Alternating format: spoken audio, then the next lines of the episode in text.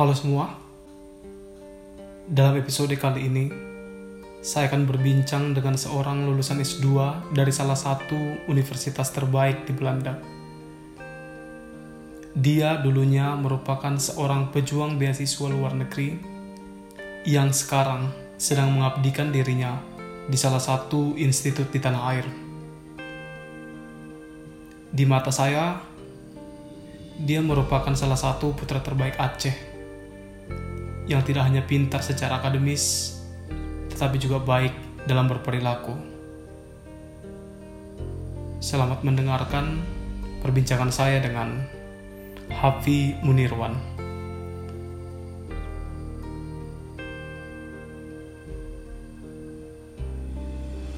Hai Vi, Halo, gimana kabarmu? ya luar biasa lah, luar biasa. Inilah ya, kesempatan nyari-nyari apa ya, mendalami dengan kondisi gini, kesempatan bisa wawancara-wawancara orang ya. Kalau dulu jarang ini ada podcast-podcast kayak gini.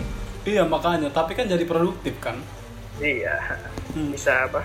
Nyari sesuatu yang mungkin belum pernah dibahas sebelumnya oleh Bener. orang-orang gitu ya. Hmm. Karena kalau misalnya nggak ada corona ini, kayaknya kau juga nggak punya waktu deh. Bener juga, enggak juga lah, enggak sesibuk itu juga. Santai kita. Kesibukannya apa Vi sekarang Vi? Kesibukannya aku sekarang ngajar jadi dosen di ITERA Lampung salah satu universitas baru didirikan tahun 2013 ya kalau tidak salah. Hmm.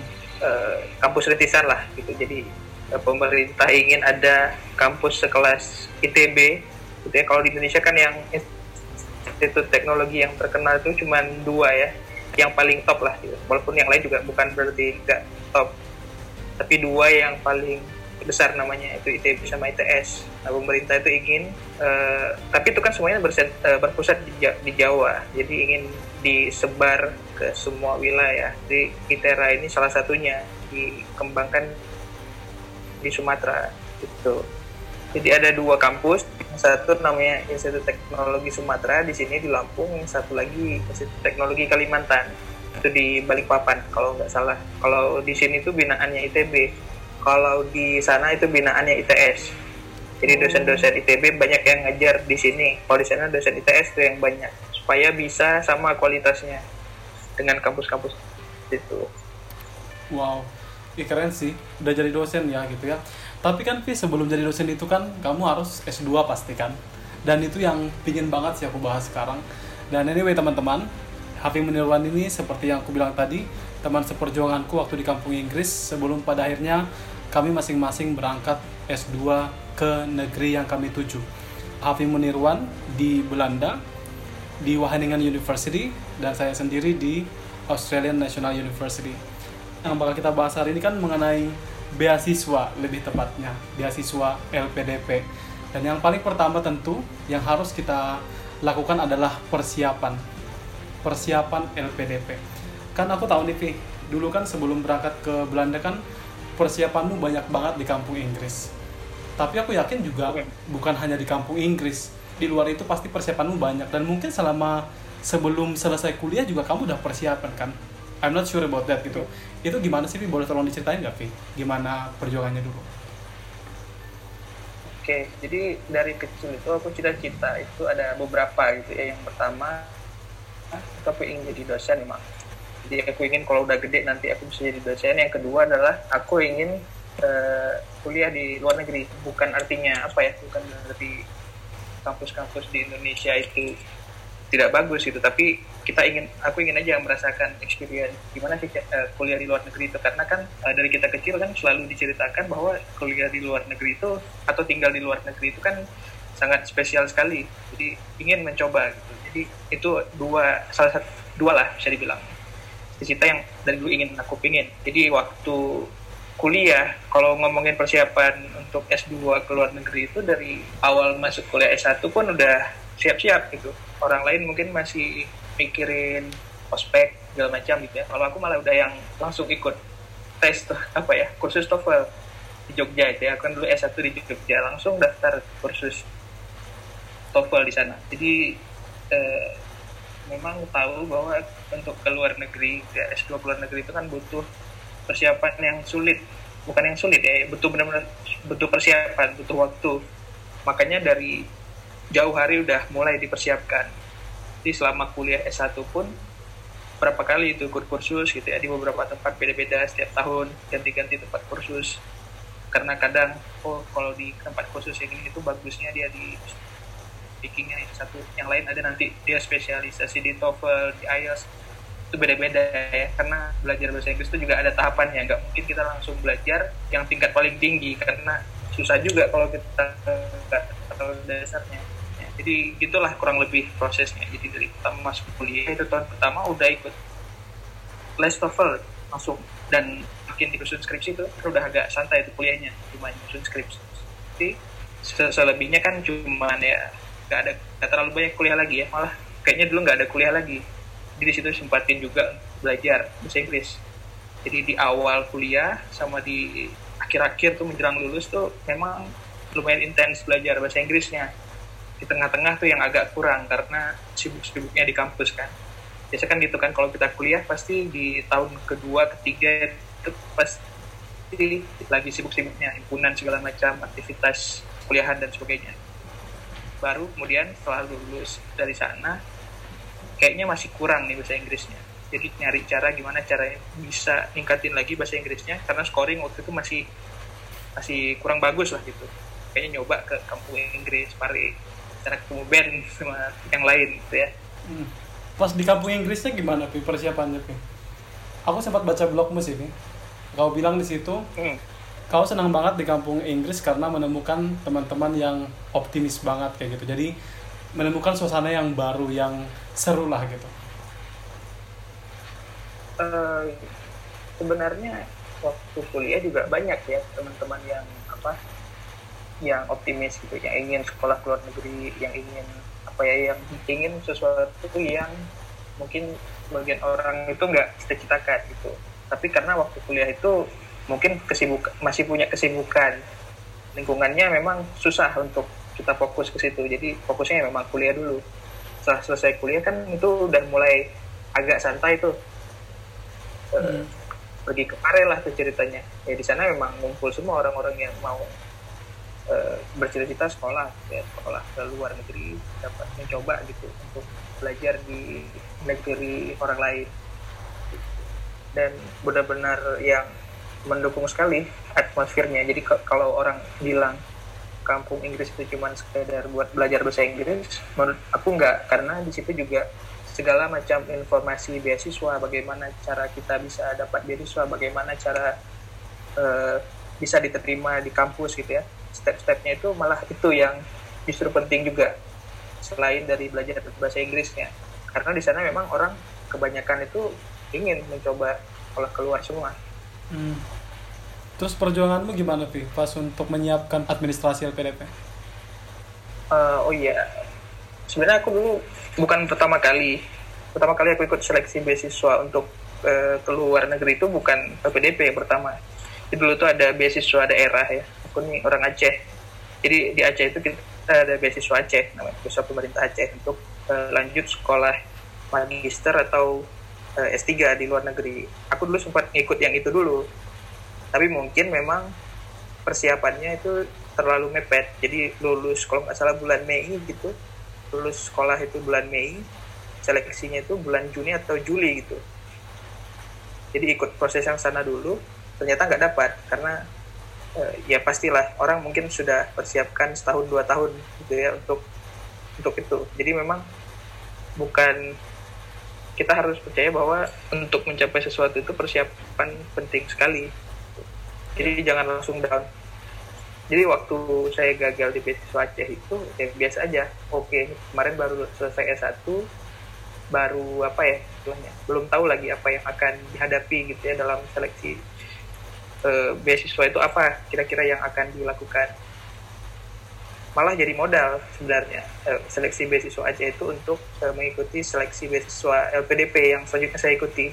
Karena udah tahu karena pola-pola uh, seleksinya itu kurang lebih sama ya. Dari ada administrasinya dulu ada wawancaranya ya ada diskusi dan sebagainya macam. Ya, jadikan pelajaran aja sih intinya. Jadi salah satu pengalaman berharga yang berguna sekali untuk bisa eh, dapat beasiswa LPDP itu kalau saya pribadi adalah dari pengalaman ikut beasiswa daerah tadi seharusnya ya lebih sulit dapat mendapatkan beasiswa pemerintah Indonesia gitu Benar. LPDP dibandingkan daerah ya Hmm. tapi malah justru di daerah yang gagal karena memang persiapannya kurang gitu. jadi kalau dibilang Iya. gagal nggak setuju juga tapi mungkin Hmm. belum waktunya aja belum waktunya ya oke setelah nggak keterima beasiswa daerah tadi kamu kan fokus banget nih yang LPDP gitu kan? Karena waktu itu yang terbuka lebar yaitu hmm. waktu itu pas, pas lah sekitar bulan Desember atau bulan Oktober gitu seleksinya. Jadi ada waktu mempersiapkan berapa bulan kan? Kalau yang lain mungkin masih jauh gitu mungkin tahun depan tahun depan lagi. Jadi yang ada depan mata persiapkan dulu. Waktu itu LPDP yang masih buka. Waktu zaman dulu itu setahun LPDP buka tiga atau empat kali gitu ya. Empat kali waktu kita. kita waktu itu periode yang keempat. Nah iya, makanya yang paling bisa dikejar itu memang LPDP waktu itu. Dan yang paling populer pada masanya. Hmm. Tapi coba gambarkan dong, Vi, perjuanganmu selama di kampung Inggris sampai akhirnya kamu ikut tes administrasi dan lolos administrasi. Hmm, di Pari ya, di Pari itu memang eh, nggak tahu kalau di karena di Pari itu ada banyak kursus bahasa Inggris ya, ada ratusan mungkin ya kursus kursus bahasa Inggris. Kebetulan di sana waktu pertama kali daftar itu berdasarkan re- rekomendasi teman-teman gitu ya, yang udah duluan ke sana. Gak usah nyebut nama lembaga ya, Vi? Apa? Gak usah nyebut nama lembaga ya. ya something lah satu lembaga yang direkomendasikan ikut ke sana dan ternyata memang eh, menurut menurutku itu bagus. Untuk apa ya? Bagusnya itu lebih ke apa ya? Lebih ke motivasi sebenarnya. Dia itu iklim lingkungan yang diciptakan di lembaga itu untuk kita fight terhadap beasiswa itu yang bagus. Bukan berarti untuk pelajaran bahasa Inggrisnya dia tidak tidak bagus tapi justru eh, motivasinya itu yang lebih yang lebih apa ya? Yang lebih bermanfaat menurutku waktu itu. Karena kebanyakan alumni dari situ itu berhasil mendapatkan beasiswanya. Jadi wah ini nggak cuman kayak kita ngomong kita bisa dapat beasiswa nih. Tapi si lembaga ini memang dia udah punya banyak sekali gitu lulusannya yang benar-benar berangkat sekolah. Mungkin itu ya yang makin oke ini makin ma- memotivasi untuk kayaknya bisa nih diseriusin karena banyak yang berhasil nggak cuma nyoba-nyoba aja kan. Hmm. untuk kesulitan sih enggak enggak ada kesulitan. Enak ya di sana. Eh, secara lingkungan mendukung. Kita di asrama itu wajib bahasa Inggris ya walaupun sering bandel juga. Nggak ngomong bahasa Inggris tapi setidaknya wajar lah ya. Mungkin kita disuruh bahasa Inggris sehari itu mungkin susah gitu. Tapi setidaknya ada effortnya untuk mencoba. Hmm. Kalau misalnya kita di rumah gitu di tempat biasa misalnya kita di sekolah atau di kampus kita mau coba gitu bahasa Inggris kan malah di ini malah dibilang so Inggris kan kalau di sana malah ada yang ini ada yang nyambut gitu. Hmm. jadi kalau tantangan sih kayaknya enggak justru supportnya yang banyak kalau di sana Iya iya. Tapi kamu juga pakai bahasa Inggris, Vi. Termasuk di ini di campmu yang kemarin itu yang dipindahin ke ini yang sempit itu. Iya kasih. di situ juga wajib bahasa wajib Inggris. bahasa Inggris cuman ya banyak bandelnya Tapi dari segi persiapan bahasanya, Vi, sulit gak, Vi, menurutmu, Vi? dari segi persiapan bahasa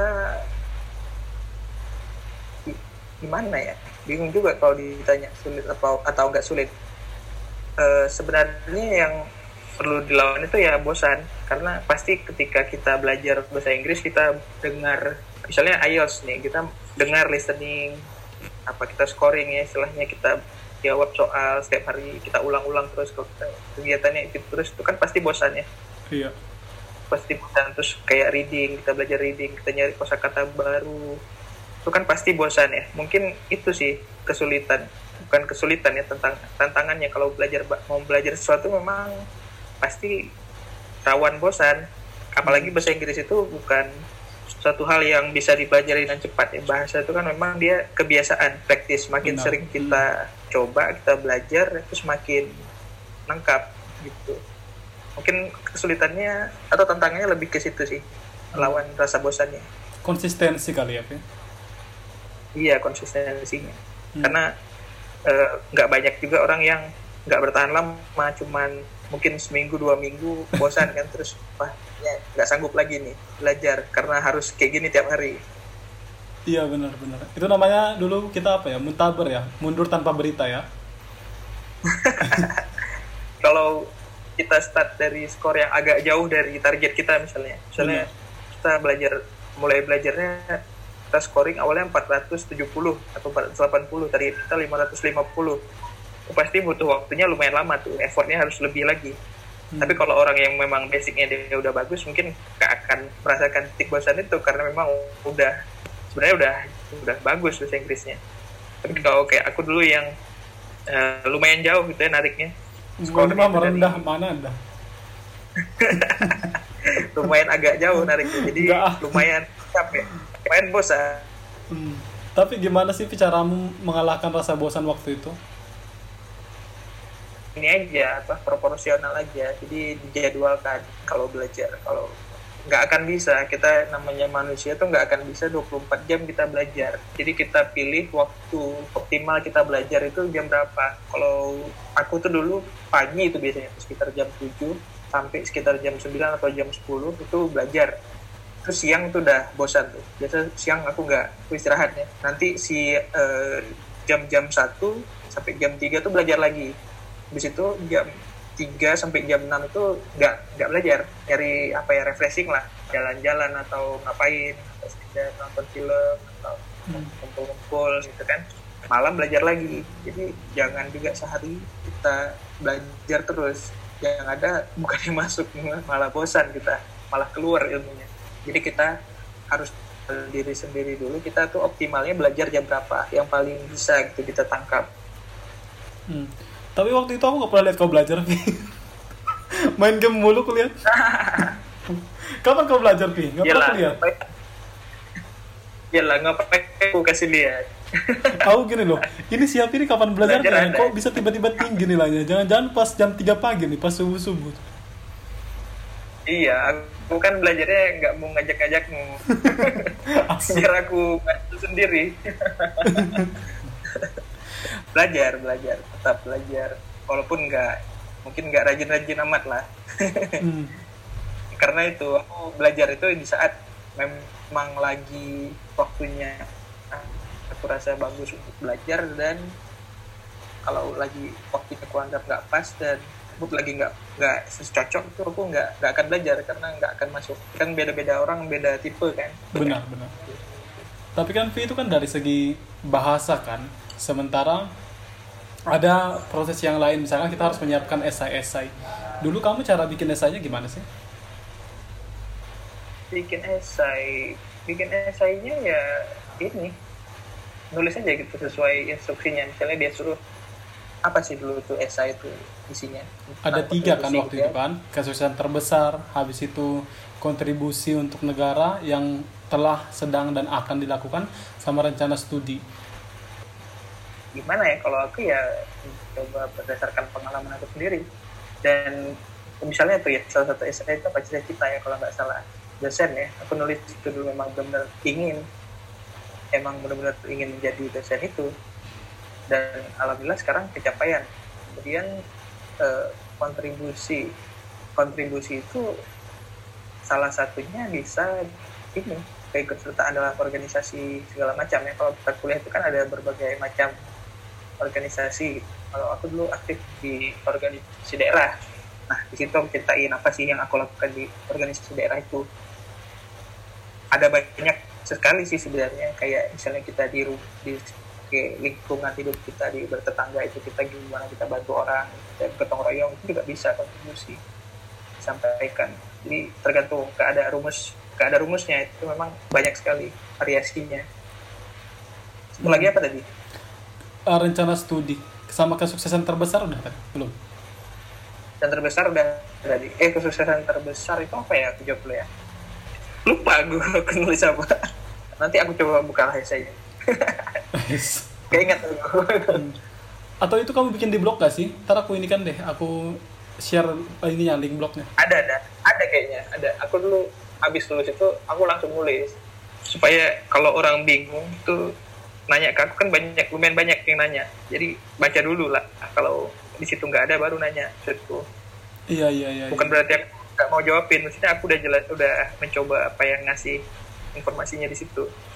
Hmm. Sepenting apa menurutmu pengalaman organisasi, Pi? penting.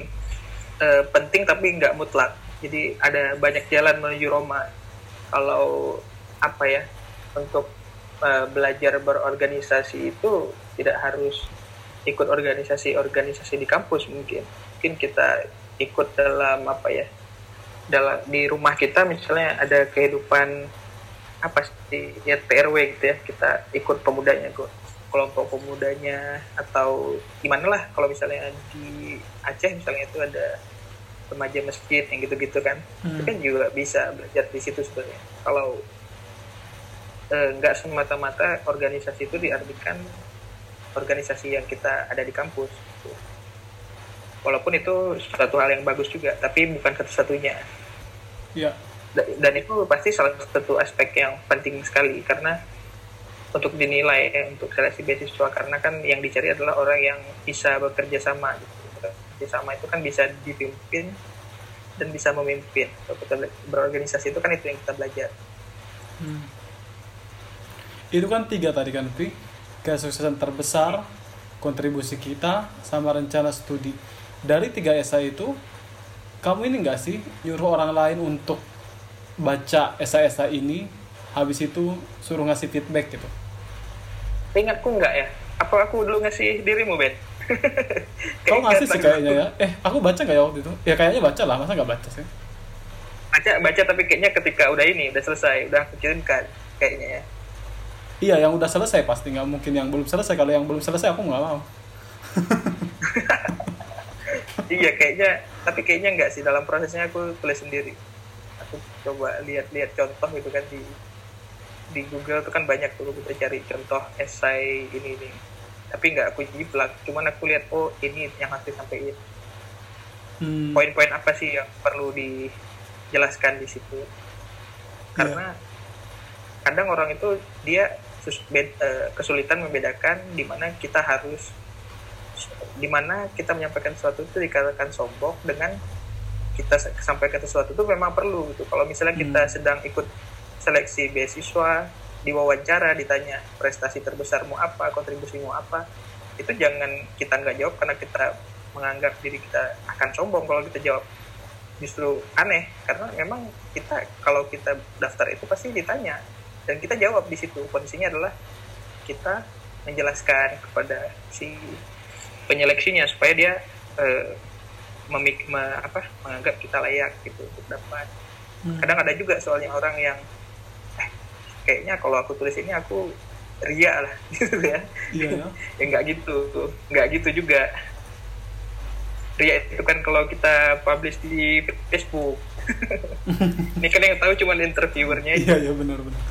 Harus Ya, kalau harus. memang kita nggak mau itu mending nggak usah daftar sekalian karena itu pasti ditanyain misalnya nih wawancara kerja apa lima hal terbaik dalam dirimu nggak mungkin kita jawab nggak ada nggak langsung nggak diterima Saking low profile gitu. ya.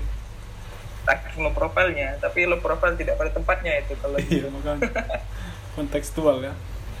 Dan habis lulus Kontekstual. administrasi kan Vi, kita kan dipanggil untuk wawancara kan. Hmm. Sebelum wawancara waktu itu, persiapanmu gimana?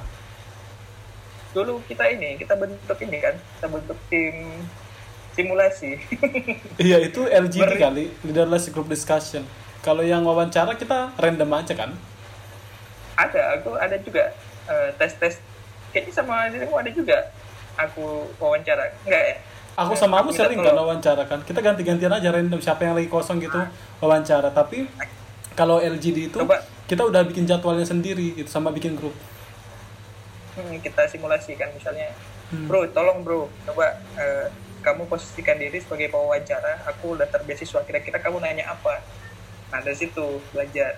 Oh kira-kira kayaknya ini yang ditanya. Terus mulai oh kayaknya ini. Jawabannya itu harus kayak gini kalau pertanyaannya kayak LGD itu juga gitu. Kalau LGD itu yang dipelajari itu selain substansi dari karena LGD LGD itu kan yang ditanyakan adalah terkait isu terkini di Indonesia kan? Hmm. ya memang harus baca koran segala macam. Kita pelajari apa topik-topik yang lagi hangat. Tapi yang lebih penting juga adalah belajar bagaimana memposisikan diri ketika apa menyampaikan pendapat. Karena ada psikolognya ya kalau nggak salah di LGD itu yang eh, sepintar apa pun kita kalau terlalu dominan gitu nggak akan diterima juga karena Benar. dianggap tidak bisa bekerja sama dengan orang. Lebih baik yang kita sampaikan itu tidak banyak tapi kita menghormati orang lain atau tidak mengambil semua waktunya itu untuk kita ngomong sendiri. Dibandingkan dengan banyak yang kita tahu tapi semua ingin kita sampaikan orang lain nggak punya kesempatan. Tapi yang ini Vi, yang masalah wawancara tadi, aku masih ingat tuh kita dulu udah ngelis banyak banget pertanyaan yang biasanya ditanyakan di wawancara beasiswa gitu. Terus kita bikin poin-poinnya kalau ditanya ini gimana kayak gitu ya. Aku masih ingat tuh. Kau Ya. gitu nggak sih? Ikut ya. nggak sih? Iya kan? kita bikin ini sampai bikin tanggapannya misalnya Benar. Ben nanya ke aku eh apa motivasimu daftar beasiswa ini terus aku nyiapin jawabannya Iya. setelah selesai simulasi itu kan kita di akhir itu kita ada evaluasi kan Hmm. gimana menurutmu tadi jawabanku bagus nggak atau ada yang mana itu kan ada evaluasinya juga di akhirnya jadi eh, selain kita mempersiapkan untuk pertanyaan-pertanyaan yang mungkin keluar kita juga cari tahu oh mungkin cara jawabnya itu nggak seperti ini. Ada cara yang lain yang lebih bagus untuk menjawabnya gitu. Poinnya mungkin sama cuman cara penyampaiannya yang kadang beda. Dan simulasi itu kita lakukan nggak cuma ke satu orang banyak. Dulu kita sekosan rame ya. Iya. semua yang lagi santai aku cobain. Bro tolong bro coba 20-an simulasiin, kita. bro Hmm. Wawancara aku kamu eh, ini orang LPDP coba wawancara aku kira-kira apa yang kamu tanya kalau harus keterima di sini Iya. Bahkan dulu ya, Vi, ya, aku masih ingat tuh. Kita grammar aja kita bahas ya. Oh, grammarnya harusnya ini. Padahal ternyata pas kita tes itu grammar nggak terlalu bermasalah. ya Iya kan? terlalu ini terlalu jauh pikiran kita Iya makanya. Tapi aku juga ingat sih, memang yang leaderless group discussion itu juga kita juga betul-betul persiapan. Kita menyiapkan topik-topik yang untuk dibahas malam ini. Dalam seminggu misalnya kita bikin simulasi empat kali gitu ya. Terus satu hari sebelum kita simulasi, kita udah ini nge-share-nge-share informasi mengenai topik yang bakal kita bahas di grup lain waktu itu. Besok malamnya kita diskusi betul mengenai topik itu gitu, ganti-gantian gitu. Terus ngasih tanggapan masing-masing. Misalkan aku ngomong nih, setelah aku selesai, kita kasih tanggapan tanggapan masing-masing ini si Ben tadi gimana performansnya gitu. kadang simulasinya tuh tiga orang gitu ya ada yang dengerin aja ada yang nggak nanya. Jadi dia pe- pe- apa, pemantau doang ngelihat gimana prosesinya. Jadi ngelihat sik lebih ke ngelihat sikap aku saat menjawab pertanyaan itu daripada jawabannya. Kalau yang yang nanya kan pasti dia fokus sama jawabannya. Kalau Iya, yang iya. orang ketiga ini dia nervous nggak waktu ditanya ini gitu gitu gitunya apa sih misalnya ngomongnya terbata-bata nggak gitu ya ya banyak-banyak coba-coba aja simulasi Kita dulu latihannya pakai bahasa Inggris ya, ya, semua ya, Vi. iya padahal eh, pas tes aslinya setengah-setengah Iya, aku Indonesia setengah bahasa Inggris Iya. Hmm. Beberapa pakai bahasa Inggris, beberapa pakai bahasa Indonesia gitu. Jadi tergantung mereka sih. Itu sih. Dan aku juga masih ingat nih, em, kita latihannya itu non-stop lah istilahnya. Karena tiap hari latihan wawancara, bahkan sehari bisa beberapa kali sama orang yang berbeda. Bahkan satu hari sebelum kau ikut wawancara, kita kan masih sempat latihan di Surabaya waktu itu di Bungkul kan. Kamu misalkan Rabu wawancaranya, aku Kamis gitu. Jadi kau duluan kan. Terus kita masih sempat ke kebun binatang juga. zaman zaman refreshing gitu ya terus pas besoknya pas wawancara gimana rasanya kan orang kan kalau tiap wawancara itu kan takut nervous gitu ya dan melihat teman-teman yang lain apalagi di Surabaya anak-anak ITS Unair gitu mengintimidasi. Kalau aku sih ya kalau kamu dulu gimana? Hmm, kalau aku mungkin agak mirip sama sama kau Ben. Jadi aku kalau udah hari H itu justru malah cenderung yang nggak gugup. Jadi ibaratnya aku tuh malah juga persiapannya itu ya jauh-jauh hari sebelum itu. Kalau takut itu ya jangan di hari H itu. Di hari H itu ya kita keluarkan aja yang kita udah pelajari apa. Terima nggak keterima ya urusan nanti tapi ya udah hajar aja. Apa apa pun yang terjadi usahakan yang paling bagus itu. Yuk, usahakan semaksimal mungkin. Ya udah terima hasilnya. Aku pun waktu wawancara itu nggak yakin keterima setelah melihat ini ya dinamikanya. Jadi ketika ditanya aku lihat responnya seperti apa dari wawancaranya gitu ya ada yang cuek ada yang apa ya ada yang eh, agak-agak nyindir-nyindir gitu juga lah istilahnya. Kayak kayak nggak mungkin kayaknya jelek hasil wawancaranya. Aku pikir gitu kan. Tapi setelah aku pelajari kayaknya itu salah satu cara mereka juga untuk uji mental kita. Kita kita nyerah nggak kalau digituin sama mereka? Oh. untungnya aku waktu itu masih tetap aku apa ya masih tetap tetap Stand positif gitu lah masih ya. aku coba yakinkan lagi yakinkan lagi gitu. Walaupun mereka ada yang nanya tapi sambil main HP gitu kan. Ada yang nanya nggak dilihat pun muka aku kan. Kan kita kadang kalau kayak gitu wah ini kayaknya Langsung down, kan? nggak mungkin lagi terima gitu. Hmm. tapi itu memang teknik-teknik wawancara itu aku baru tahu juga setelah itu oh memang kayak gitu caranya orang ngetes. Itu namanya ngetes mental juga. Ke seserius apa kita untuk daftar sesuatu. Untuk waktu itu kan beasiswa kita down nggak kalau dicoba tes mental kayak gitu Hmm. Ya itu informasi bagus sih, Vi. Aku nggak kepikiran loh itu yang kau bilang tadi. Karena kan ada juga teman-temanku yang bilang kayak gini waktu itu sebelum kita tes. Nanti kalau misalnya wawancaranya cuek, itu berarti mereka nggak tertarik. Jadi kita nggak bakal lulus gitu kan. Nanti kalau misalnya wawancaranya cepat, itu juga berarti interviewernya nggak tertarik. Jadi nggak usah mengharapkan kita lulus gitu. Tapi ada temanku juga. Naomi misalnya. Kamu kan kenal juga kan Naomi kan? Si Naomi, dia juga 15 menit. Dan dia merasa, aduh pas aku ngasih jawaban, interviewernya bahkan liatin yang lain, bukan lihat dia coba. Jadi dia sempat down sih. Tapi dia lulus juga gitu. Karena emang dia qualified. iya kan. Hmm. sama persis kayak itu aku juga waktu menjalaninya aku rasa oh nggak mungkin nih kayaknya responnya negatif nih kalau kayak gini tapi aku baru tahu belakangan bahwa itu salah satu teknik untuk uji mental kita. Kalau kita daftar kerja juga pasti eh, bakal kena kayak gitu waktu wawancara. Bisa jadi kena ya Tuh ada banyak macam model-model interviewer gitu ya. Ya itu salah satu ujian mental lah. Jadi jangan terlalu cepat ambil kesimpulan tetap usahakan aja. Jadi jangan stop ketika kita sudah masuk. Kalau mau stop itu ya sebelum kita fight. Kalau sudah masuk kita udah di ruang show ya hajar aja Hmm. karena sia-sia yang udah kita persiapkan jauh hari sebelumnya kalau di situ malah kita downnya Iya ya. Tapi apa Vi yang paling susah menurutmu? Pertanyaan yang diajukan interviewer waktu itu.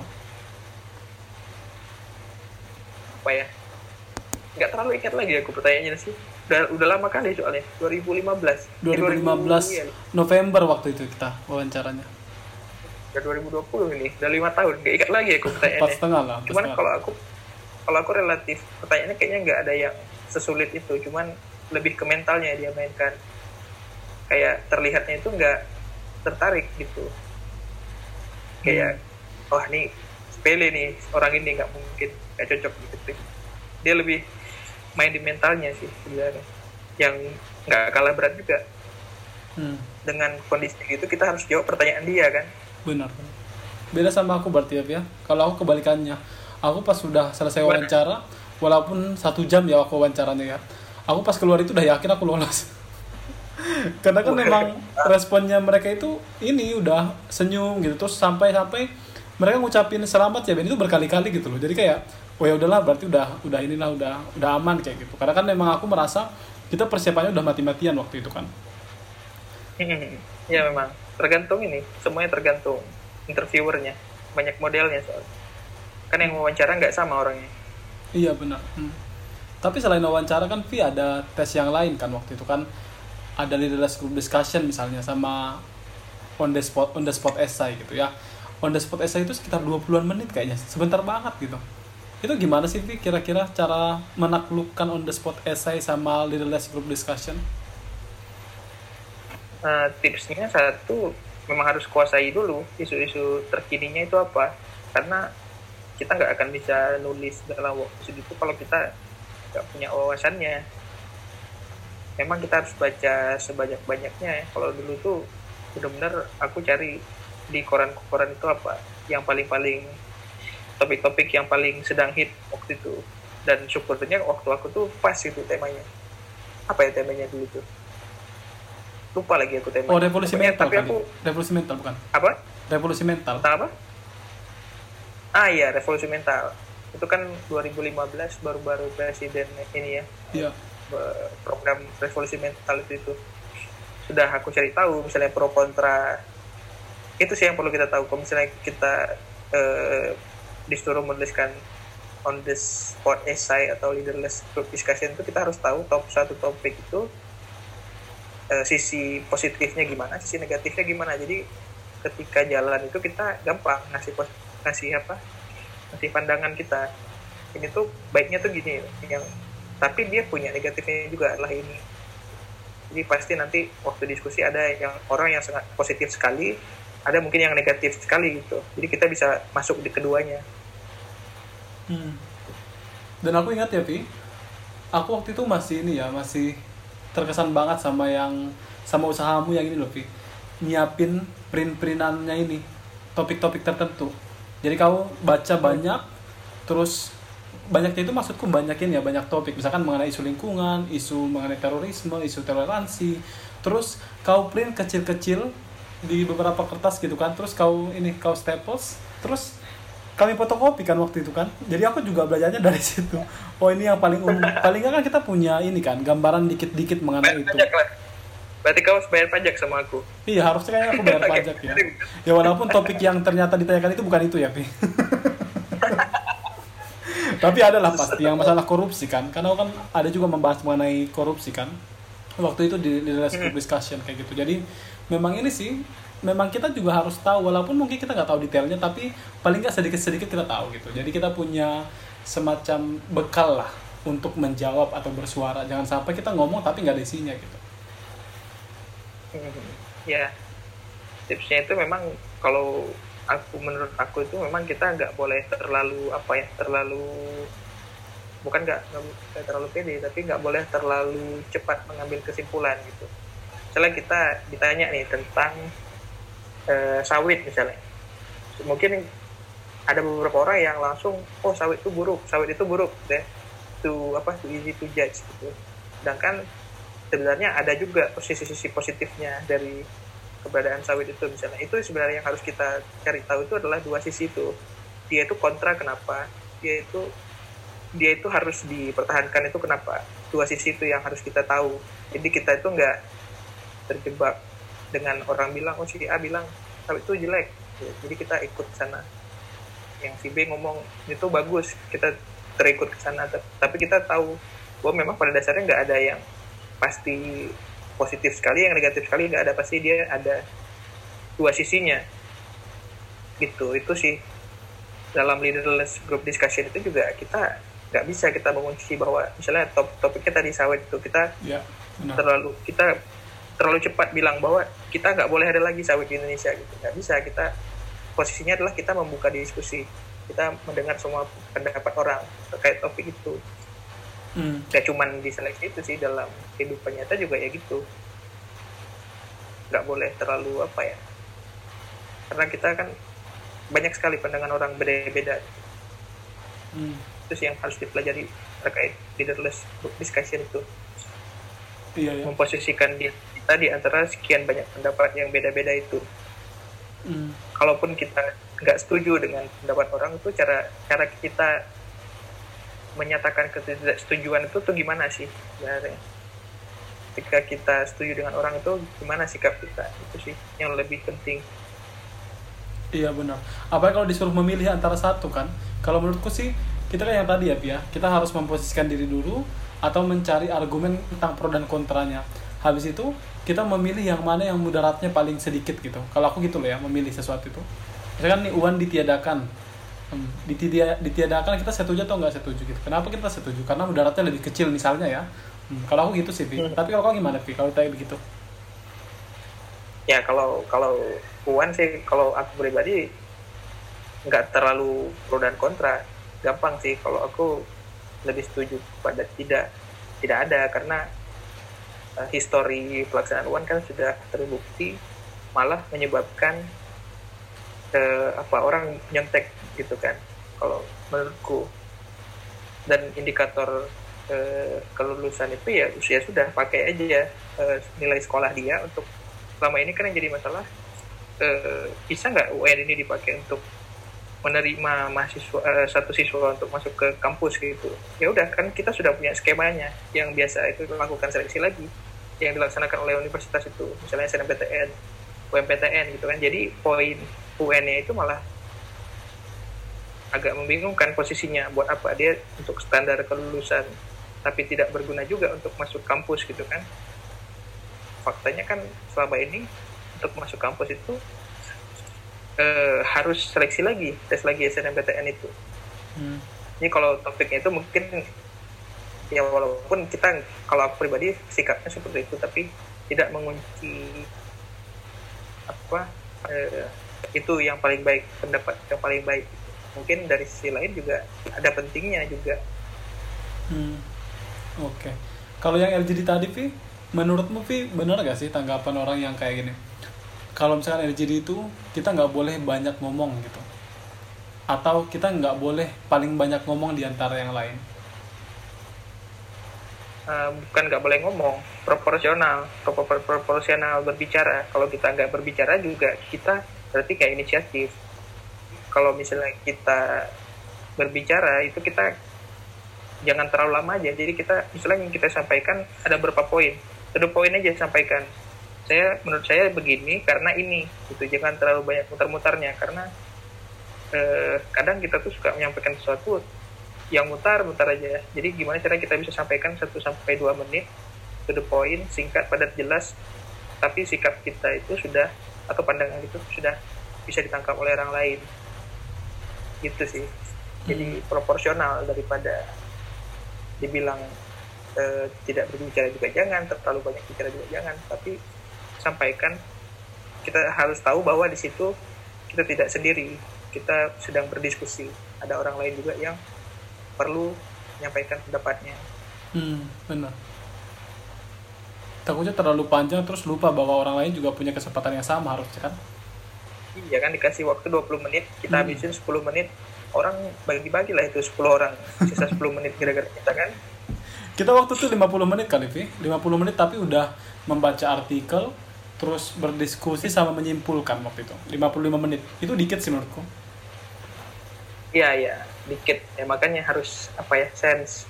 Berbagi waktunya itu harus dimainkan benar apalagi 8 orang loh kami waktu itu iya aku juga kayaknya 8 orang sih gitu. hmm. terus aku juga sih waktu LGD itu kan kita LGD itu bertemu sama orang-orang yang kita belum kenal sebelumnya kan hmm. jadi dari ribuan pendaftar beasiswa itu nanti diacak tuh 8 orang atau 10 orang untuk berdiskusi di satu ruangan terkait topik tertentu kan LGBT itu. Yeah. Tips aku dulu, gimana caranya supaya tidak terlalu nervous. Dari ruang tunggu menuju ruang ujian itu ada waktu sekitar ya 5 menit lah mungkin atau kurang. Di situ kita manfaatin buat kenalan sama orang-orang yang akan karena kan kita jalan itu pasti bareng sama orang-orang yang akan ikut ujian juga kan hmm. di ruangan yang sama dari situ kita pakai waktu kenalan sama dia jadi sekedar apa ya sekedar untuk percakapan awal lah istilahnya gitu supaya nggak terlalu tegang. Saat nanti udah mulai karena kita sudah oh dia itu ini udah kenal. Oke Pi jadi setelah sekitar dua minggu setelah wawancara itu kita kan nerima kabar kalau kita dinyatakan lulus. Kalau waktu itu nerima kabarnya itu di Pare aku lagi di Malang. Sengaja sih biar kalau misalkan nggak lulus ya udahlah bisa refreshing langsung kan. Dan aku lagi di Batu sih lebih tepatnya gimana sih responmu waktu lihat kabar gitu? Baca SMS atau lihat email kalau kamu lulus? Kaget karena aku uh, setelah menjalani seleksi itu aku menganggap kayaknya belum belum saat ini waktunya.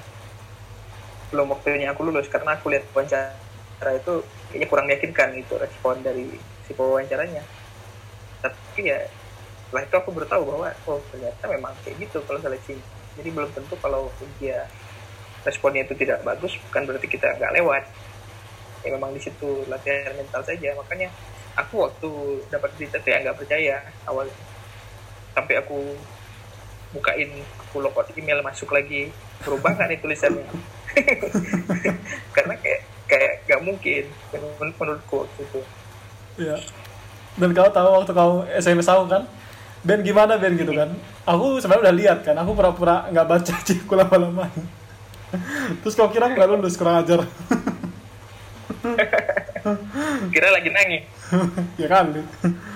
Tapi ini sih emang itu pengalaman yang nggak terlupakan sih, yang pada akhirnya kayak akhirnya berangkat juga, akhirnya berangkat juga gitu.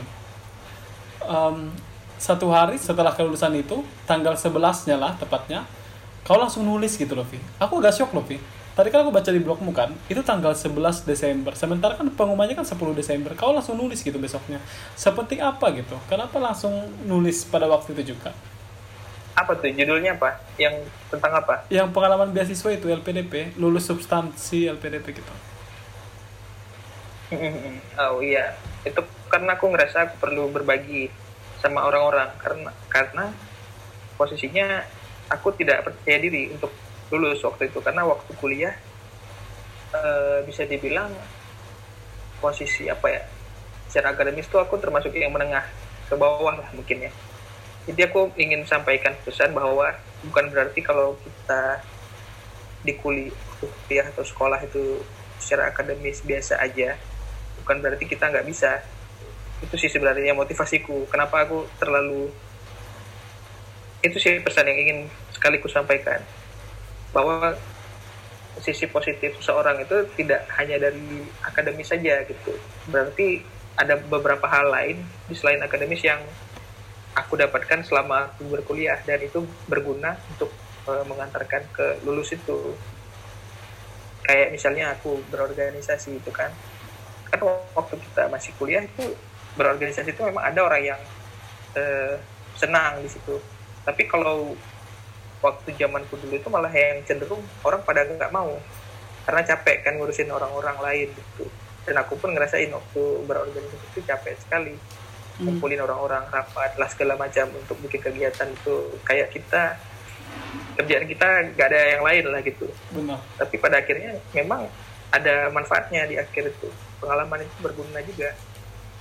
Salah satu pengalaman yang paling bermanfaat yang menurutku bisa mengantarkan aku untuk lulus itu ya organisasi itu Hmm. Apalagi kau jadi ketuanya kan waktu itu kan, himpunan mahasiswa Iya. CUGM kan? iya himpunan mahasiswa daerah kan waktu itu waktu pemilihan itu nggak ada yang mau aku pun nggak mau sebenarnya waktu itu karena karena kan apa ya capek lah kan ngurusin gitu-gitu Hmm. cuman eh, waktu itu mufakat dipilih lah tuh pada akhirnya aku mengalah kayaknya memang ekspektasi apa harapan orang-orang kayaknya memang ditumpukan ke aku jadi yang, yang awalnya aku nggak mau jadi oke lah insya Allah bisa disupport sama yang lain gitu. Hmm. dan akhirnya ya malah jadi apa ya keuntungan sendiri bagiku di di hari-hari yang gak kuprediksi Hmm. Yang masalah yang cum laude itu, Vi, kau nggak bahas, Vi? Yang kau pernah bilang Oh, iya. gitu loh. Hmm. Ah ya itu juga kebanyakan orang mi- mikir bahwa untuk apa? Untuk lulus beasiswa itu harus cum laude. Faktanya aku juga nggak laude malah pernah IP ku pernah di bawah tiga gitu ya. Dua koma sekian itu pernah juga. Eh, tapi alhamdulillah akhirnya nggak menghalangi juga untuk bisa dapatkan kesempatan yang sama. Tapi juga bukan berarti kita eh, waktu kuliah itu harus eh, nggak penting nilai itu. Tentu aja penting tapi tidak hanya itu. Kalau aku dulu menjualnya adalah aku tuh jelek nilaiku tuh di awal-awal semester semester awal aku kuliah. Tapi di tapi progres nilaiku tuh cenderung naik. Jadi itu sih argumenku yang aku sampaikan ke interviewer bahwa memang saya di awal itu lama adaptasinya. Tapi semakin ke depan secara akademis saya semakin bagus gitu. jadi tetap tet- penting sih nilai itu tapi bukan berarti kita harus cum juga bukan harus IP kita 4 juga malah kalau nilai kita kecil eh, tapi bisa berprogres makin bagus makin bagus itu bisa jadi sisi positif juga dan positif Hmm. Dan pada akhirnya kan kamu juga udah lolos kan beasiswa itu kan. Dan setelah pengumuman LPDP itu kita harus ikut PK. Habis itu persiapan IELTS lagi kan, Vi? Gimana sih dulu persiapan IELTS Vi? Kan banyak nih student-studentsku nih yang pusing banget apalagi kalau kita bicara masalah IELTS gitu. Mhm. Kalau IELTS itu kalau menurutku yang sulit itu di writing sama di speaking karena writing sama speaking itu kita perlu orang untuk menilai kita itu bagus atau tidaknya. Misalnya kita nulis nih, kita nggak bisa menilai sendiri tulisan kita tuh bagus atau enggak. Karena kita yang nulis, pasti kita mikir, oh ini bagus. Speaking juga gitu, kita mikirnya, kita bicara aja, oh bagus nih aku ngomong. Tapi kalau listening sama reading itu kan gampang, tinggal lihat kunci jawabannya kan. Hmm. Yang tersulitnya itu memang di speaking sama di writingnya itu harus mencari orang-orang yang benar-benar bisa menilai dan tahu kesalahan kita di mana. Kalau untuk belajar sendiri, fokus aja di listening sama reading, karena itu cenderung bisa kita tingkatkan sendiri. Aku selalu kalau misalnya lagi nggak ada guru atau nggak ada yang bisa menilai, aku pasti belajar dua itu, dan itu yang paling cenderung gampang dipelajari. Tapi untuk intensif, belajar yang untuk terfokus, butuh guru itu adalah di dua tadi, speaking sama writing. Oke. Okay setelah persiapan IELTS beberapa lama pada Maret 2016 kau akhirnya ikut tes IELTS di British Council Bandung. Dan waktu itu hmm. dapat skor yang cukup untuk berangkat ke Belanda. Ceritain dong Vi gimana hmm. ininya persiapannya setelah dapat IELTS itu? Persiapan untuk ke Belandanya?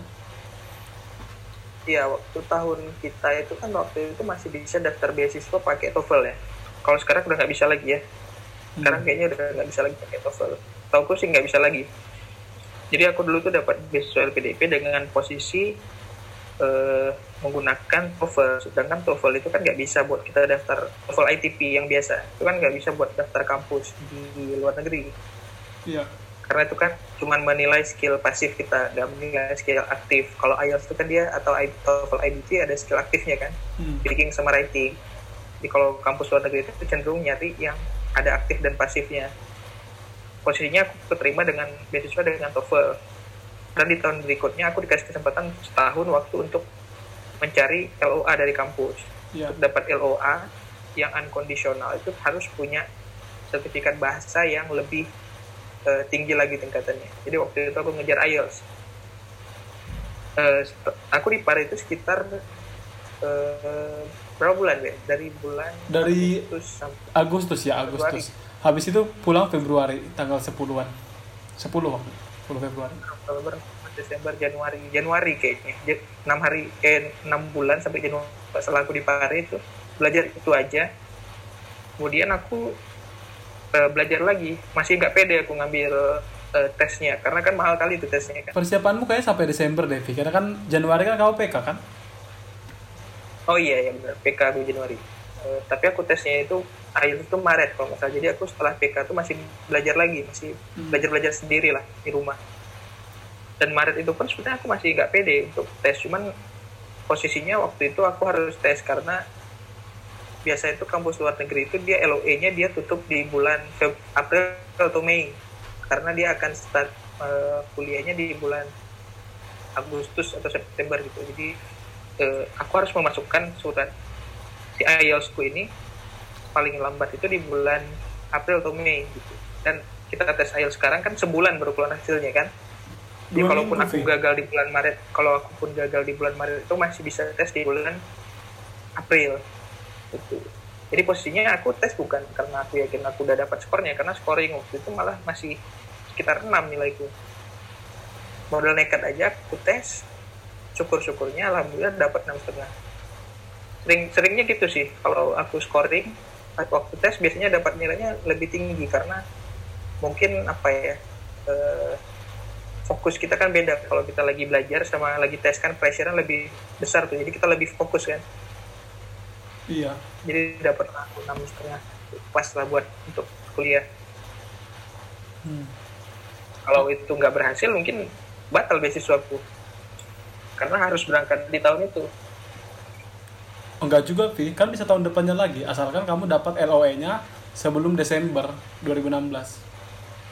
Iya, iya, mungkin gitu ya. Tapi dulu saya ingat isunya gitu, harus berangkat di tahun itu karena kalau nggak salah harus tahun paling lambat dari diterimanya. Mungkin karena kampusmu ini juga kali ya, cuma sekali setahun kali ya. Kalau kampus kan dua kali setahun kan? Ah iya, mungkin. Hmm. Jadi kalau yang model kayak aku ini malah yang deg-degan, malah lebih enak itu kalau dapat daftar beasiswa sekalian IELTS-nya udah selesai aja karena ketika beasiswa udah terima pasti kampusnya juga aman. Kalau kayak aku kan malah beasiswanya aman, kampusnya nggak aman. udah deg-degan aku itu. Hmm. Kirain waduh batal aku udah ini pula kan udah bangga kan. Udah keluar-keluar Hampir kejadian. ngomong ke tetangga-tetangga ternyata nggak jadi pula. Iya kan terus di blok lagi. oh iya benar. Tapi nggak apa-apa lah. Terus ini Vi, aku pengen tahu juga gimana sih rasanya pertama kali kau berangkat waktu itu. Aku ingat banget tanggalnya Vi, soalnya kami kan masih di Paris sama Sirian juga kan waktu itu kan 10 Agustus kan 2016 kau berangkat ke Belanda waktu itu dan kami kayak astaga padahal kita bertiga janjiannya kan di benua yang sama kan aku ke Inggris terus Sirian ke Finlandia gitu kan tapi akhirnya kau berangkat duluan gitu gimana sih rasanya pas pertama kali menginjakan kaki di negeri itu gitu Gimana ya? Kayak berasa mimpi aja karena kecil kan kita cuma bisa lihat gambarnya aja kan. Cuma bisa lihat malah dari video-video atau dari mana-mana. Dan berasa kayak nggak mungkin dari kecil tuh. Pada akhirnya bisa ke sana ya kayak bingung, bingung dan kaget aja. kayak nggak percaya bahwa udah bisa berhasil sampai ke sana. Hmm. dan ya dan aku sampai itu kalau nggak salah lagi menuju menuju ini lagi winter kayaknya. Jadi pas memang musim-musim yang apa secara kondisi juga jauh sama Indonesia itu kan lagi dingin dinginnya iya. Musim gugur kali Vi Agustus kan? Musim gugur ya tetap gugur kan menuju winter kan? Iya benar. Balikan musim gugur ya. Ya langsung dapat nggak lama langsung dapat salju saljunya kan. Iya. orang Indonesia kan pengen kali lihat salju. Ternyata nggak asik loh. Ya nggak asik kalau tiap hari. Kalau sebulan dua bulan salju nggak asik. Kalau sehari hmm. salju asik asik aja. Bener. Dinginnya itu loh yang main-main kan?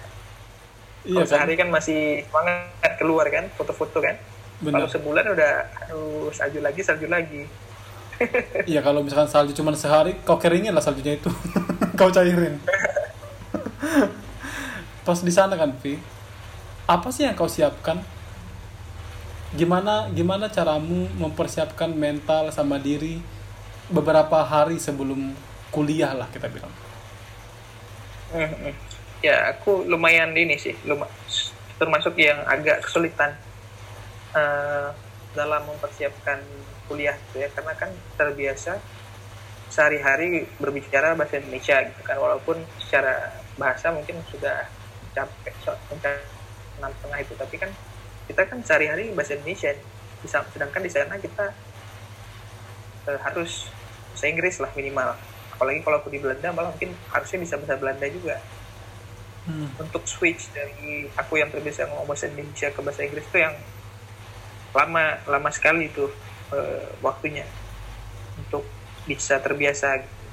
Kadang merasa asing aja kayaknya kayak se- sehari nggak ngomong bahasa Indonesia tuh kayak gimana gitu. Karena kita terbiasa ngomong gitu kan. Tapi untungnya di kampusku itu lumayan banyak orang Indonesianya. Jadi tetap walaupun di kampus kita bahasa Inggris eh, kadang kita ketemu kawan kita ya bisa lah kita ngomong bahasa Indonesia dikit-dikit. Eh, di lumayan baik juga waktu itu angkatanku ada seratusan orang kayaknya yang ke kampus sama di angkatan yang sama bahkan teman sekelasmu yang di UGM ada empat orang kalian kan yang sekelas di UGM terus di sana juga sekelas juga? Hmm, tiga bertiga kita. Oh bertiga tapi oke. yang satu beda, beda jurusan. Jadi aku nggak ketemu waktu kuliah aku nggak bareng sama yang satunya. Hmm. yang satunya aku emang sekelas dia ngambil jurusan yang sama. Ya kadang itu kalau bisa di kelas dosen menjelaskan bahasa Inggris kadang aku kan waktu awal-awal masih sulit nangkap. Jadi saling nanya ke temenku itu tuh eh tadi bapak itu ngomong apa? Ngomongin kita Bapak kan dia yang jelas. Jadi aku belajar dari pihak kedua sebenarnya. Nggak apa-apa lah. Tapi ini juga sih sharing-sharing juga. Kadang dia yang kesulitan aku yang jelasin. Tapi seringnya dia sih. Tapi itu juga ini gak sih Vi keberadaan mereka itu menjadi menjadi alasan untukmu biar nggak homesick gitu. Hmm, iya benar. Uh, dibilang homesick homesick kali nggak juga sih karena kan kalau S2 itu nggak terlalu lama kan cuman dua tahun. Maksudnya dibandingkan dengan PhD kalau PhD kan lima tahun empat tahun lima tahun cenderung lebih lama. Hmm. maksudnya setahun di luar negeri nggak pulang mungkin masih masih apalah masih biasa gitu kan. Kalau empat tahun lima tahun itu yang mungkin agak berat. Uh, ya kawan-kawan yang ada di sana ya memang paling ini jadi kalau misalnya lagi kangen Indonesia ya ngumpul-ngumpul bareng-bareng. Uh, masak bareng gitu. Tapi aku sih pribadi nggak terlalu homesick. Hmm. karena kan memang kalau misalkan lagi stres kau langsung pergi ke Prancis ke Austria Denmark. Karena kebanyakan orang homesick itu nggak bisa makan makanan Indonesia. Kalau di Belanda kan banyak makanan Indonesia. Malah oh, iya, Indonesia banyak relatif banyak di sana. Hmm lumayan gampang lah nyarinya di kotaku tuh juga di tempat aku tinggal itu ada. Warung Indonesia ada berapa? Ada dua lah. Hmm. keluar kota lagi ada lagi. Ya. satuan pelajar Indonesia nya gede juga. Jadi nggak terlalu apa ya nggak terlalu lepas dari kehidupan Indonesia nya. Tapi gimana bicaramu biar bisa survive studi di sana? Mana ya? Aku pun nggak tahu jawabannya. Ya aku belajar kayak biasa kayaknya aku malah yang nggak terlalu nggak terlalu belajar ekstra ya. Jadi kebanyakan itu aku lulus itu ya dengan nilai yang biasa-biasa aja. Karena mungkin effort belajarku tuh nggak se effort teman-teman yang lain. Teman-teman Indonesia ku yang lain justru yang lebih bagus gitu ya. E, lulusnya lebih cepat nilainya lebih bagus. Karena memang lebih rajin belajarnya. Kalau aku awal-awal itu yang paling banyak eh, rajin-rajinnya di awal-awal makin ke belakang semakin bosan kan. Semakin apa ya semakin agak lelah untuk belajar itu. Tapi untungnya semalas-malasnya aku tuh masih masih cukup lah belajar itu untuk bisa lulus di mata kuliahnya itu. Hmm. ya belajar itu kadang ya sampai malam juga di kampus itu. Oh sering di perpus nggak enggak Enggak, enggak, enggak bisa nginap di perpus kita, enggak 24 jam, jam 10 tutup soalnya. Oh gitu. Tapi aku kadang, kadang jam 10 sampai jam 10 malam tutup eh, kampusnya baru pulang. Dilanjutin di kamar kali ya? Lanjutin tidur di kamar kalau aku. oh iya, kau pernah begadang gak sih? Enggak sih, aku aku karena tipenya enggak yang aku belajar itu ada waktunya gitu. Kalau misalnya di luar waktu itu malah sia-sia aku belajar. Terus kan tipe-tipe orang belajar itu kan beda-beda. Kalau aku cenderung yang gitu waktunya aku anggap bagus belajar aku belajar. Kamu bisa ngebayangin gitu ya kalau lagi banyak tugas gitu terus ya kamu pingin tidur. Kalau aku sendiri susah tidur loh kalau lagi banyak tugas. Nah itu. Kalau aku malah aku tidur dulu bangun fresh aku kerjain. Kadang nggak selesai juga sih. Setidaknya setidaknya aku nggak kerja dengan ngantuk-ngantuk itu iya ya pengen banget kayak gitu loh. Aku coba tidur waktu itu kan tapi nggak bisa bisa pikirin tugas mulu kan akhirnya ya udahlah aku lembur aja gitu. Tapi ini sih ya kayak sia-sia juga sih menurutku karena pas kita ngerjain itu juga ngantuk-ngantuk. Iya ya tergantung lah. Ada orang yang bisa tahan ada orang yang nggak bisa tahan. Kalau aku belajar di saat yang tepat. Masalahnya waktu yang tepatnya itu aku nggak tahu kapan gila gila gila. Fleksibel lah si Happy Mirwan ini. Berarti banyak diselamatkan oleh takdir sih. Ah enggak lah. Kalau orangnya usaha aku tahu lah gimana perjuanganmu. Ya kau selalu serius dan bertanggung jawab dengan apa yang dia menatkan sama kamu gitu. I know you for sure. Terus kan Vi nggak usah merendah untuk direndahkan lah Vi aku masih ingat aku sempat baca esaimu gitu. Kau bilang kau pingin jadi seperti siapa sih? Idolamu itu kan Ridwan Kamil kan ya? Karena kan dia juga ya, ini kan sempat jadi dosen juga dan akhirnya dia juga menjadi kepala daerah gitu ya. Dan kau kan udah nyampe di posisi itu di posisi dosen. Ada nggak sih Vi keinginan untuk menjadi kepala daerah nantinya? Karena kan seingatku kau pernah bilang ini juga sama aku. Uh, kalau keinginan kayaknya enggak ya. Karena kalau aku dari dulu tuh selalu uh, untuk posisi-posisi itu aku nggak pernah mencari. Pada akhirnya apa ya lebih kepada dipercayakan. Kayak misalnya dulu aku jadi ketua di himpunan gitu kan. Nggak pernah aku berambisi misalnya aku akan jadi ini aku ingin jadi ini itu nggak pernah. Tapi kemudian kondisi yang membawa ke sana. Dan ya sudah uh, ketika uh, mana ya aku tuh sulit me, kalau sudah diamanahkan tuh yang anggap yang cenderung agak sulit menolak gitu tapi kalau secara pribadi aku sih pengennya jadi orang biasa aja. Jadi dosen itu belajar mengajar eh, hmm. meneliti malah lebih enjoy sih. Iya ya. Cuman ya nggak tahu nanti dinamikanya. Tapi secara pribadi sih nggak ada nggak ada cerita ke sana. Karena hmm. banyak jalan menuju Roma kan. Nggak harus jadi itu. Iya ya dan aku lihat juga kamu passionate banget sih di bagian mengajar sih jadi dosen gitu. Bahkan kamu udah menerbitkan buku kan? Bisa diceritain sih buku ini mengenai apa?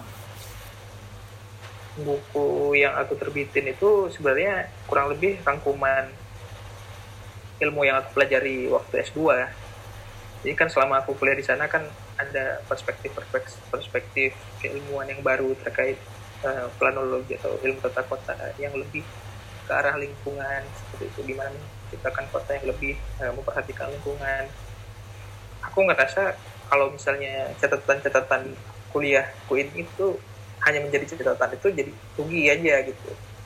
Makanya kemudian disusun aja jadi buku yang bisa dibaca oleh orang-orang lain juga yang mungkin eh, belum bisa ke sana tapi mungkin ilmunya sudah tersampaikan beberapa lewat buku itu awalnya aku mau nulis sendiri itu ternyata gak kuat ngajak temanku jadi akhirnya bertiga hmm. capek rupanya nulis buku hmm. selain Julfikar siapa satu lagi penulisnya uh, Wisha, Wisha, temanku juga di sana. Oke. Okay. Selain menulis buku, kau kan juga ini, Pi, bikin blog kan? Bukan blog sih, website ya. Jelata ya, jelata.com. Sekarang berubah nama jadi apa? Bicara Kota. Oh, Bicara Kota. Sekarang berubah nama jadi Bicara Kota gitu ya. Apa yang mendasari keinginan itu, Pi? Dan sepenting apa website itu menurutmu? hmm, yang mendasari itu adalah ya aku senang aja e, membagikan segala sesuatu tentang apa ya keilmuan yang aku punya gitu. Kalau misalnya aku tahu sesuatu itu senang aja aku share share gitu ke orang lain nggak nggak yang tipe aku simpan sendiri ya salah satu medianya ya lewat buku atau blog itu. Ya hmm. isinya ya tentang pandangan-pandangan best practice ya pengembangan kota-kota yang ada di dunia.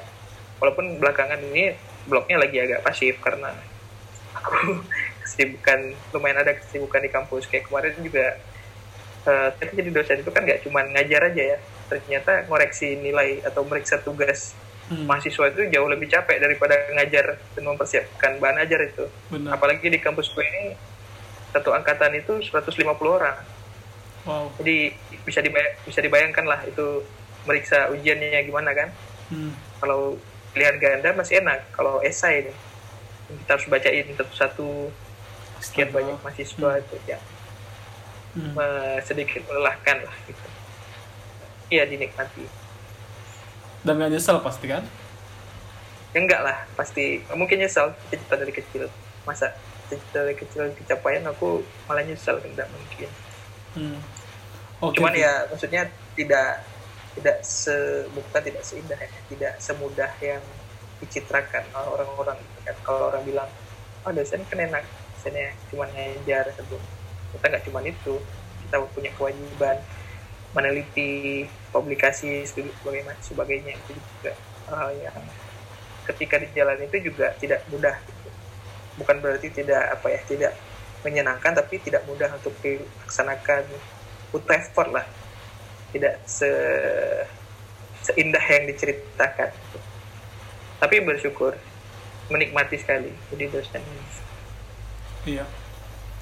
Tapi sebelum pertanyaan terakhir ya Pia aku pengen nanya mengenai ini juga sih pada waktu kamu berangkat ke luar negeri untuk pertama kalinya mengajar mimpi S2 mu dan akhirnya sekarang udah mengajar jadi dosen di ITERA. Menurutmu apa pelajaran hidup yang paling kau dapatkan sewaktu menempuh studi di Belanda? Uh, kalau aku melihat culture belajar mengajar Indonesia dan Belanda itu berbeda gitu. Kalau Indonesia itu cenderung yang guru dan murid itu vertikal. Vertikal maksudnya murid patuh terhadap guru. Kalau di Belanda itu harus horizontal. Jadi guru dan murid itu cenderung yang setara. Bahkan mungkin kalau orang Indonesia belajar ke sana cenderung mengatakan kurang ajar gitu cara muridnya belajar ke gurunya gitu ya. Hmm. Dengan mereka tidak tidak terlihat tidak menghormati. Gitu. Tapi di samping itu sebenarnya mereka respect terhadap gurunya juga.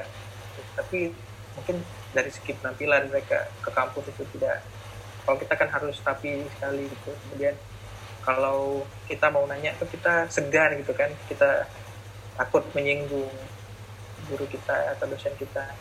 Kalau di sana itu dari segi penampilan mereka nggak peduli dari segi apa kalau nanya itu nanya aja walaupun dia eh, kemungkinan itu menyinggung profesornya ya tetap aja dia tanya itu mungkin itu sih yang aku agak belajar eh, tapi pada akhirnya membuat diskusi itu lebih asik kalau di sana.